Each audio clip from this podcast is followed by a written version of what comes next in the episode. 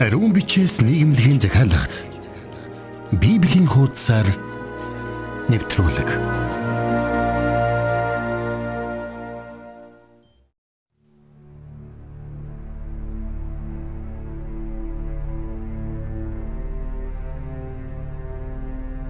Ирхэм сонсогч танд энэ өдрийн мэнд хүргэе.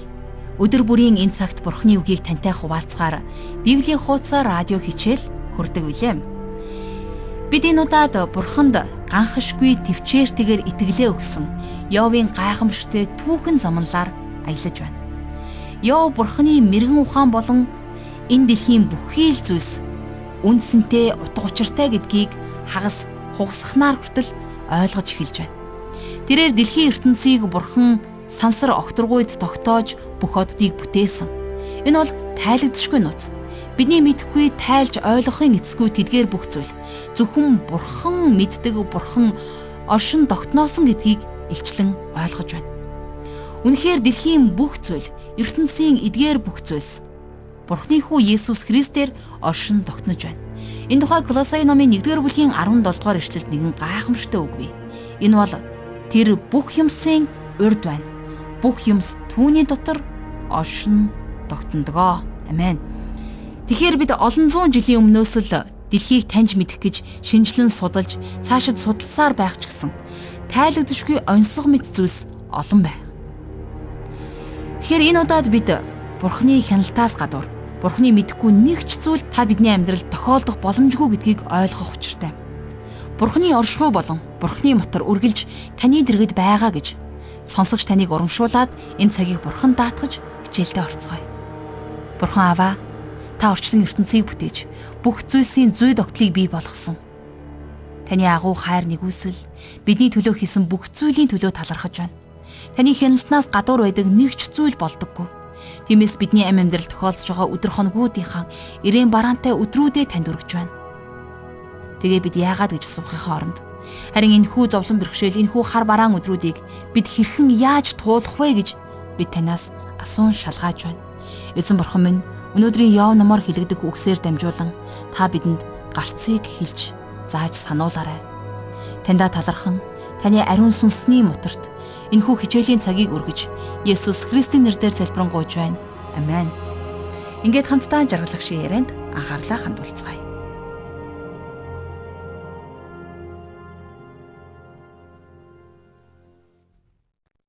За өнгөрсөн дугаар дээр бид Йов бүтээгч эзнийхээ талаар гайхалтай өргөн ойлголттой болох талаар үзээд зогссон тийм ээ. За тэр хогийн цэгийн хажууд яр шархандаа баригдан сууж байгаа ч гэсэн одод тэнгэрийг хараад бүтээгч эзний тухайд дурсаж байсан.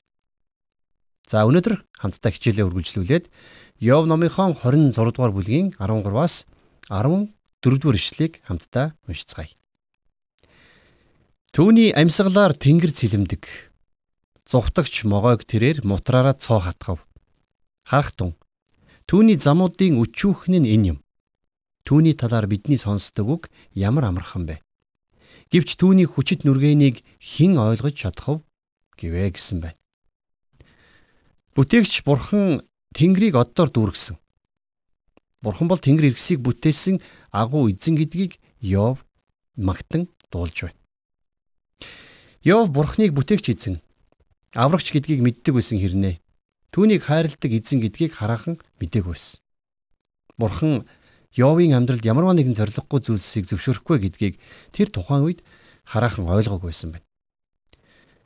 Бид нар Йов номыг судалснараа өдөр тутмын амьдралтай үнэхээр нарийн уялдаа холбоотой зүйлсийг олж мэдэх болно. Йов туулсан асар их зовлонгоос маш том сургамжийг авсан. Тийм учраас Йов номын гол сэдэв болвол итгэгч хүмүүс яагаад зовлон үздгийг харуулах бишээ гэж би хувьдаа боддог. Харин энэ номын гол утга санаа нь юу вэ гэхээр Бурхны хүүхэд гимшиж даруй сэтгэлтэй болох замналын тухай юм. Тэгвэл гим нүгэлтэй хүн Бурхан дээр ирээд гимших ёстой юу? За тэгэхээр энэ тухай хариултыг бодохдоо хамтдаа Паулийн Филиппо хотын шоронгийн харгалзагчид хэлсэн үгийг бодох хэрэгтэй. За Үлс номын 16 дугаар бүлгийн 31 дугаар эшлэлдэр Паул ингэж хэлсэн байдаг. Эзэн Есүст итгэхтэн чи болон гэрийнхэн чинь аврагдана гэж. Паул гимш гэдэг үгийг ашиглаагүй ч гэсэн хүн Есүст итгэх үедээ хуучин амьдралаа орхидог тухай хэлсэн. Филиппо хотын шоронгийн харгалзагчийн хувьд худал шүтэн шүтдэг байгаад тэрнийг орхисон байх. За үнэн дээр Христ рүү эргэж хуучин амьдралаа орхих нь гимшил. Тэгэхээр ингэж гимших нь бидний хувьд хамгийн чухал алхам байдаг. Бурхны олон хүүхдүүд бас алдагдсан хүмүүс өөртөө найдаж амьдарч байна. Өөртөө найдсан хэн боловч гимших ёстойг энэ ном харуулдаг болохыг та бид маш удахгүй ойлгох болно. Тэгэхээр Йов номын хамгийн гол сургамж бол энэ юм. За ингээд хамтдаа цаашлаад Йов номынхон 27 дугаар бүлгийг дэлгээд за нэгээс 4 дугаар эшлэлдэр Йов бурхны талаар хэрхэн үргэлжлүүлэн хүүрнснийг хамтдаа суралцгаая. Тэгээд Йов яриагаа үргэлжлүүлж эдлэх хэрхийг минь хорсоор байгаа бурхан болоод сэтгэлийг минь гашуудулсан төгс хүчит нэгэн амьд. Миний дотор ам хийгээд хамарт минь бурхны амьсгаа байсаар байх хугацаанд уруул минь шудраг бусыг бүү яриг хилминч хуурамгийг бүв дамжуулгээ гэсэн байна. Одоо Йовын хэлсэн энэ үгнээс харах юм бол тэр өөртөө үнэхээр ихтгэлтэй зоригтой ярьж байгаа биз. За Йовын найз Зофар хариу өгөөгүй байсан учраас Йов яриагаа цааш нь үргэлжлүүлэн өөрсдийгөө миний найз гэж бодсон та гурвын буруудагалыг би хизээч хүлээн зөвшөөрөхгүй гэдгээ илэрхийлдэг. Йов тэдний ярьснаас эсрэг утгатай зүйлийг харин тэдэнд хандан хэлж байна. За 27 дугаар бүлгийн 5 дугаар ишлэлийг харах юм бол та нарыг зөвтгөж тунхаглах нь надаас хол байг. Өхөн үхтлээ би хоёргүй үнэнчээ өөрөөсөө үл холдуулнаа гэж хэлсэн байна. Йовын ингэж ярихыг дэрэгдэн сонсоо зогсч байсан бол ямар зөрүүд хүн бэ гэж бодохоор байна. Йовын найз нар тэрлүү хамаа намаагүй харгас ширүүнээр дайрч давшилсаар өөрийгөө хамгаалахад нь хүргэсэн. Тэгэхээр тэднээс өөрийгөө хамгаалахдаа тэр ямар ч даруй сэтгэлгүй байгааг та харж байгаа биз? Йовын ярианаас бурхан бүх зүйлд буруутай. Йов ямар ч буруугүй төгс юм шиг сонсогдож байгаа биз? Би үнэнчээ өөрөөсөө үл холдуулна гэж тэр хэлсэн. За тэгээд тэр цааш нь юу гэж хэлснийг хамтдаа үргэлжлүүлээд 6 дугаар ишлэлээс харъя. Өөрийн зөв шударгыг би баримталж ис буцна. Өдрүүдийн минь нэгэхнийгч зүрх минь үл зэмлэнэ гэж хэлсэн байна. За та хараа биз? Йовын найз нар тэрнийг өөрийгөө зөвөр үнэлж сэгнэхэд биш харин хамгаалж хаацайлахад хүргэсэн байна. Йов одоо өөрийнхөө төлөө өшөрхөж эхэлж байна. Энд бурхны тухай огт ярихдаггүй байгааг анзаараарай. Йов одоо өөрийгөө найз нараас ширүүн хамгаалдаг. Харин номын төгсгөл дээр бол бурхны өмнө ёстой л шалдаа бүр мөсөн буусан байдаг. Тэгэхээр энэ бүгдээс суралцах зүйл бидэнд маш их бий. Йовын найз нарын хэлсэн зүйлс үнэн байсан. Мэдээж тэд нар Йовын төлөө сайн сайхныг бодож ярьж байсан баг. Тэд нар хэдий үнэн юм ярьж байсан ч гэсэн өөрсдөө тэр үннээ мэдэхгүй байсан. Тэд нэр үдсэн үзэгдэл, уламжлал, хууль тогтоолын тухай ярьсан ч гэсэн Йовд хэрэгтэй яг тэр үнэн тайвшрлыг хэлж чадаагүй. Ингэснээр тэд нар Йовыг улам өөрөөрөө бардамнахад хүргэж байна. Тэгэхээр өнөөдөр би дахиад өмнөх хичээлүүдээр ярьсан нэгэн зүйлийг давтан хэлмээр байна. Яагад гэвэл энэ маш их чухал зүйл. Йовын найз нар тэрнийг ямарваа нэгэн далд гим нүгэл хийсэн гэж бодож байсан учраас тэр гмийн ил гарах гэж оролдсон. Йов ямарваа нэгэн нууц аимшигтай гим нүгэл хийгээгүй болохоор тэднийг зүв зүйл ярихгүй байна гэдгийг мэдсэн. За тийм учраас тэдний буруу харин өөрийнх нь зөв гэж Йов бодсон. Йов ингэж бодож ярьснараа харин алдаа гаргасан юм. За хэдийгээр найзуудынх нь буруу байлаа гэд Йовын зөв болох албагүй байсан. Йов өөрийгөө зөвтгөхийн оронд Бурхны оршихуйд орж өөрийгөө даруй болох хэрэгтэй байсан. Тэгэхээр бид нар зовлон зүдгүүр амсдгийн нэг шалтгаан нь юу вэ гэхлээр бид нар бурхны өмнө даруй сүнстэй байж чаддгүй байгаа юм. Зовлон зүдгүүр нарны халуун төөнөхтэй адилаа гэж нэгэн хүн хэлсэн байдаг. Тэгэхээр нарны айгам халуун лааны тосыг бол хайлуулна. Харин шаврыг улам хатууруулдаг шүү дээ. Тэгвэл зовлон зүдгүүр яг энэтэй адилхан янз бүрийн хүмүүст янз янзаар нөлөөлдөг. Зарим хүмүүс зовлон үзэхдээ даруй зүрх сэтгэлээр хандаж эзний оршихуйд хайлж байдаг. Харин Йовын хувьд ийм төвшөнд хараахан хүрээгүй байж. Тэр одоогоор өөрийгөө хатуу байр суурьнаар хамгаалж байгаа тийм ээ. Йов юу гэж хэлсэн гэж өөрийн зөв шударгыг бие баримталж ис боцно өдрүүдийн минь нэгэхнийгч зүрх минь үл зэмлэнэ гэж. За яг Йовын хэлсэн шиг өнөөдөр магадгүй цуглааны олон гişүүд ч гэсэн яг л ийм байр суурийг өнөөдөр хамгаалж ийм бодолтой явдаг баг. Бурханд хүн нэгэнд л итгэсэн л бол аврагддаг нь хэдийгээр үнэн боловч та бурхны аврал биш. Өөртөө бардсан гимээр дүүрэн байх боломжтой байдаг. Йов өөрийгөө болчихсон хүн гэж бодож байсан ч гэсэн удахгүй тийм биш гэдгээ мэдэх болно. За одоо тэрээр өөрийн шүүмжилсэн найз нартаа өөрийн дайсан гэж тэднийг нэрлсэн байдаг. За 27-гийн 7 дээр миний дайснууд буруутан мэд, миний эсрэг босогч зөвхт бус мэд байг гэсэн байгаа биз. За Йов өөртөө санал нийлэхгүй байгаа хүмүүсийг дайсан эсрэг талаа болгосон байна. Тэд нарыг дайсан ёрын муу хүмүүс гэж нэрлсэн байна. Тэгэхээр хүн өөрийгөө яг ингэж зөвдөх нь маш аюултай. Ингээд Йов хүмүүсийн тухай за бас тэднэрт юу тохиолдох тухай ярьж эхэлнэ. За тавчхандаа болвол Йовын лекцийг бид одоо сонсох гэж байна. Хэдийгээр тэр өвчин зовлондоо байж ядан байгаа ч гэсэн бусдад цэцээр номлох гэж байна тийм ээ. Сонсогч танд Библийн боловсрол олгох Библийн хуудасар радио хичээл хурж байна. За хамтдаа Йовын өчил номлолыг за 27 дугаар бүлгийнхээ 8-аас 11 дугаар ишлэлээс үздцгээе. Бурхан амийг нэгэн таслахаар шийдсэн бол сүсэг бишрэлгүй хүний найдлага нэгэнд өнгөрдөг босуу. Түүнд зовлон шанал тохиолдоход түүний хашгирах дууг бурхан сонсох уу? Тэрээр төгс хүчит нэгний тааллыг олох уу? Тэрээр бүх үеийн турш бурхныг дуудах уу?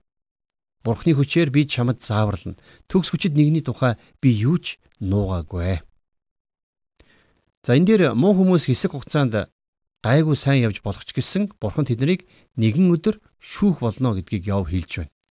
За үргэлжлүүлээд 19-оос 21-р эшлэлдэр Йов Тэрээр баян хөвддөг боловч тиймэрээ хизээч байхгүй. Тэрээр нүдэ нээдэг бөгөө тэр нь байхгүй болсон байдаг. Аимшиг түүнийг үер адил нөмөрдөг. Хуйлрах салхи шөнөөр түүнийг хулгайлан оддог. Дорны салхи хуйлран ирж түүнийг авч оддог. Эргэлдэг салхи түүнийг байрнаас нь ховхлон авч явдгаа гэж. За эд баялаг хүний амьдралд яг яс юманда ямар ч нэмэргүй. Муу хүний амьдрал салхинд үлээгдэн унтрах лааны гэрэл шиг нэгэн өдөр төгснө. Хүмүүс тэрнийг баяртайгаар зайлуулах цаг ирнэ гэж Йов хэлж байна. За 23 дугаар ишлэгийг хамтдаа уншийе. Учир нь тэр өршөөлгүйгээр түүн рүү дайрахад тэр хүн зугтахыг бодно. Түүнд алга ташиж байрнаас нь түүн рүү шогшорноо. За дэлхийн 2 дугаар дайны ихэнх үед Гитлерийн хамсаатан байсан Муссолинид эхлээд хүмүүс алга ташиж байсан. А гэвч тэрнийг цаазлагдах үед хүмүүс тэрний биеийн дээгүр гიშгчин явсан. Хормоо гүйлдэгч хүмүүс заавал шийтгэл хүртдэг.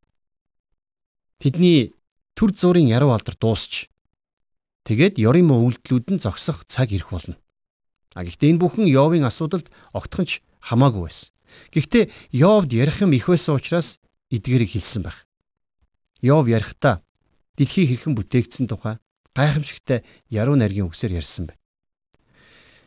Бид нэр төрлөх хэл дээрээ уншихад яруу найр шиг санагдахгүй байж болох ч гэсэн энэ нь яг их еврей хэл дээр бичигдсэн үнэхээр сайхан уран үгстэй яруу найраг юм. Йов дэндүү гайхалтай нууцлаг зүйлсийн тухай ярьдаг. Хэрвээ сонсогчдоо яруу найраг сонирхдаг бол энэ хэсгийг анхааралтай сайн уншаарай гэж зөвлөхөр байна.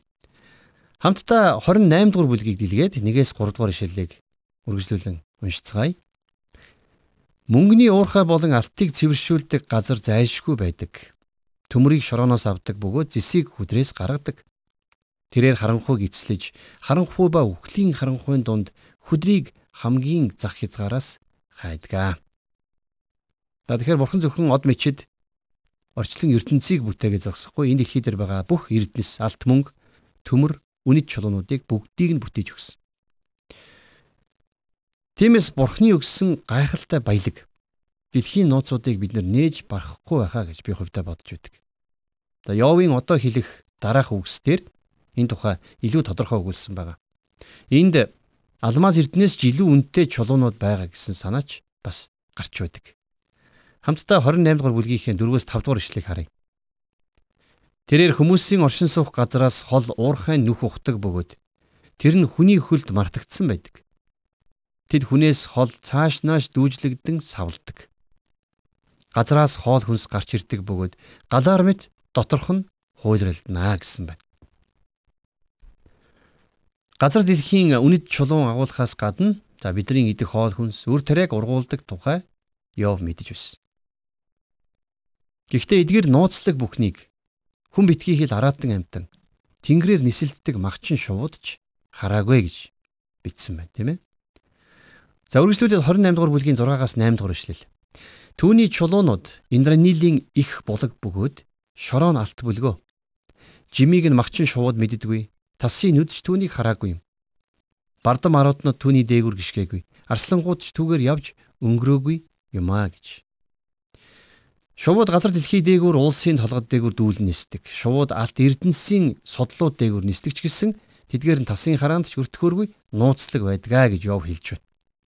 Тэгэхээр хүн төрлөختний олж нээгээгүй байгаа маш их эрдэнэс баялаг байгаа гэдгийг Йов энд цухас дурдсан байна, тийм ээ. За тэгээд 9 дугаар ишлэл. Тэрээр гараа цахиур чулуун дээр тавьдаг. Тэрээр уулсыг суураар нь эргүүлдэг. Бурхан газар хөдлөлтийг бий болгож чадна. Тэр газар нутгийн тогтцыг ч өөрчилж чадна. Бурхан алд эрдэнэсээ зөвхөн хүссэн үедээ бидэнд илчлэн харуулдаг байх нь. За 28 дугаар бүлгийн 10-аас 11 дугаар ишлэлдэр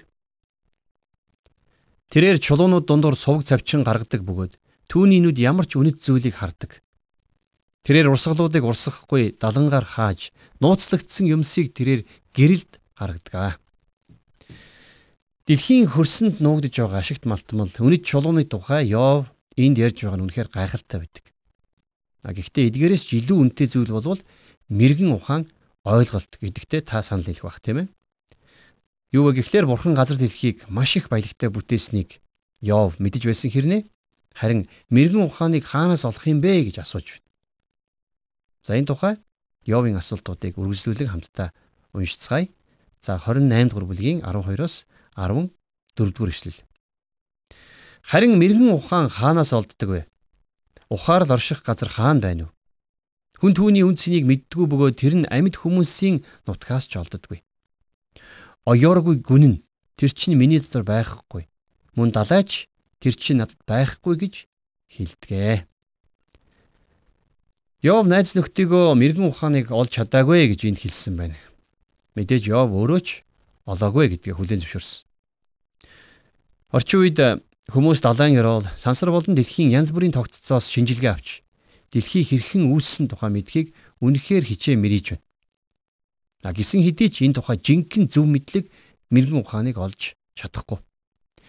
Ингэснээр хүн төрлөختөн дэлхийг хэрхэн үүссэн за бас хин дэлхийг бүтээснийг ч өөрсдийн оюун ухаанаар олж авах боломжгүй юм.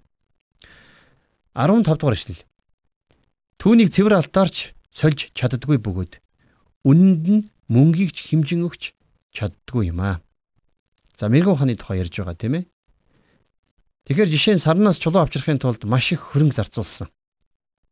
А гэхдээ тэр чулуунуудыг ч судлаад хүн хангалттай мэрэгэн ухаан мэдээллийг авч чадаагүй л байна. За 16-аас 18 дугаар эшлэлдэр Йов ингэж хэлсэн байна. Тэр нь Офирийн алтаар үнэт судалт гартаамаар эсвэл индраниларч үнэлэгддэггүй.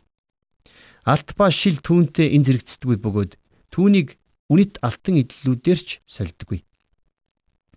Шүр болон болрыг бол дурдах хэрэггүй. Мэргэн ухааны үн совднаас ч өндөр болоо.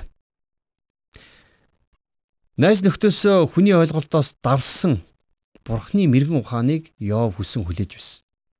А гэхдээ тэдэнд энэ ухаан байгаагүй. За 28 дугаар бүлгийн 19 дугаар эшлэлдэр Йов үргэлжлүүлээд Этиопийн молор эрдэнэч түүнтэй энэ зэрэгцдэггүй бөгөөд тэр нь шижралтаар ч үнэлэгдэх боломжгүй юм а гэж хэлсэн байна. За өнөөдрийнхөөр хэлэх юм бол стандарт хэмжил зүүн газар ч гэсэн энэний үн цэнийг нь тогтоож чадахгүй гэсэн үг. За тэгэхээр одоо дараагаар нь Йов нэгэн чухал асуулт болох үхлийн талаар ингэж асуусан байна.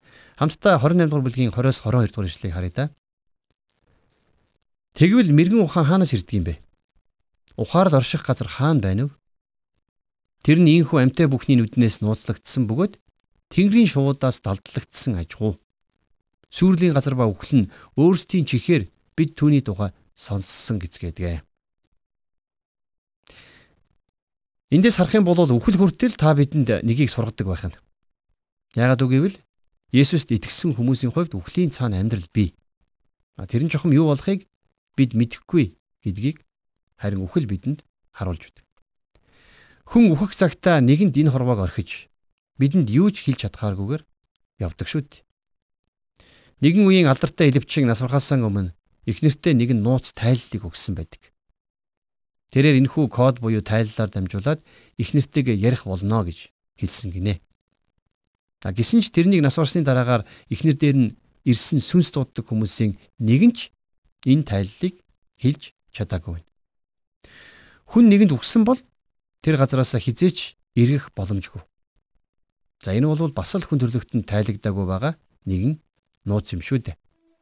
Хичээлээ дараагийн дугаараар үргэлжлүүлцгээе.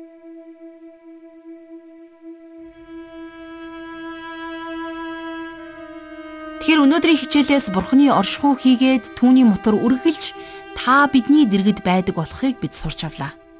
Энэ удаагийн хичээл эхнээсээ дуусах хүртлээр Явын өөрийгөө өмгөөсөн болон Бурхны бүтээсэн дэлхийн ертөнцийн нууцуудын талаар сонсон суралцсан.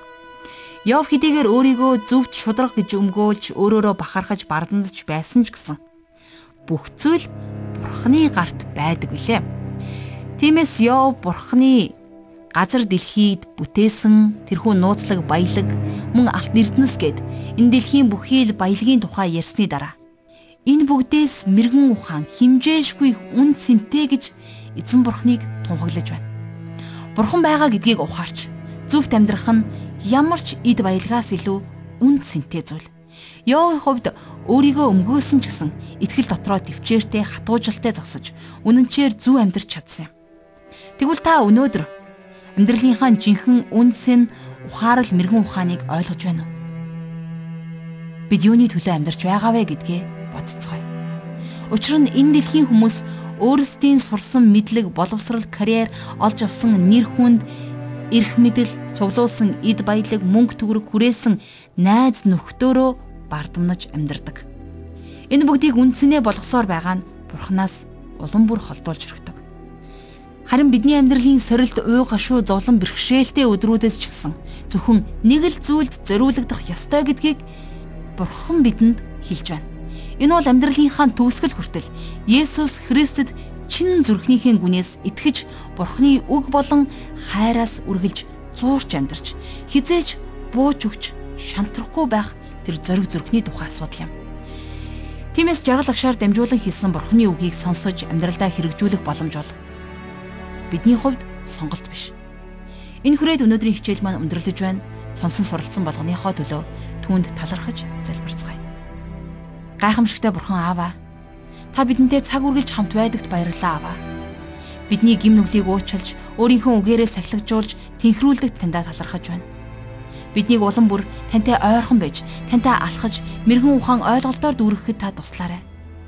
Тэрхүү эд баялгаас ч илүү үндсэнтэй ойлголт ухаарлыг бид өөрийн болгож авахыг хүсэж байна. Бид дэлхийн зөвсөл сэтгэл ханах биш. Харин сүнслэг, сүнсний оюун бодлын тэр хязгааргүй итгэлийн зүйлсийг хүлээн авч ойлгож таньж мэдэж бусдад гэрчилж амьдрахад та туслаарай. Ир хичээлүүдээ, ир хөдрүүдээ таны моторт өргөж, эзэн Есүсийн нэрээр залбирanгуйч байна. Амен.